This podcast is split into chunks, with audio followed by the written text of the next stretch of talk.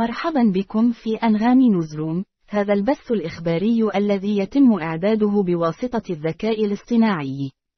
نبدأ أخبار اليوم الأحد الحادي عشر من فبراير بالأخبار العالمية. في عالم الأثار، كلمات الفيلسوف تظهر من القطع الأثرية القديمة للمخطوطات هيركولانيوم، في اكتشاف مذهل يضيف إلى تراثنا الثقافي العالمي. ننتقل الآن إلى الشرق الأوسط، حيث تتواصل الحرب بين إسرائيل وحماس، وتتأهب غزة لهجوم محتمل على رفح.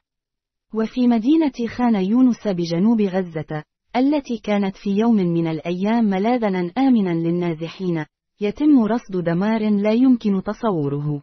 وتقول إسرائيل إن الأونروا في غزة قاومت التسلل من حماس، لكنها لم تكن كافية. في الإمارات، تمكنت السلطات من إحباط هجمات إلكترونية نفذها إرهابيون، في خطوة تؤكد حرص الدولة على حماية الأمن الرقمي. وفي الأخبار الاقتصادية، تتأرجح محركات النمو في أوروبا.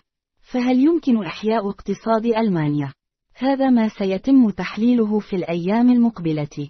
وفي عالم الرياضة، حقق حارس مرمى هدفا غير معقول من داخل نصف ملعبه الخاص، ولكنه لم يدرك ذلك حتى.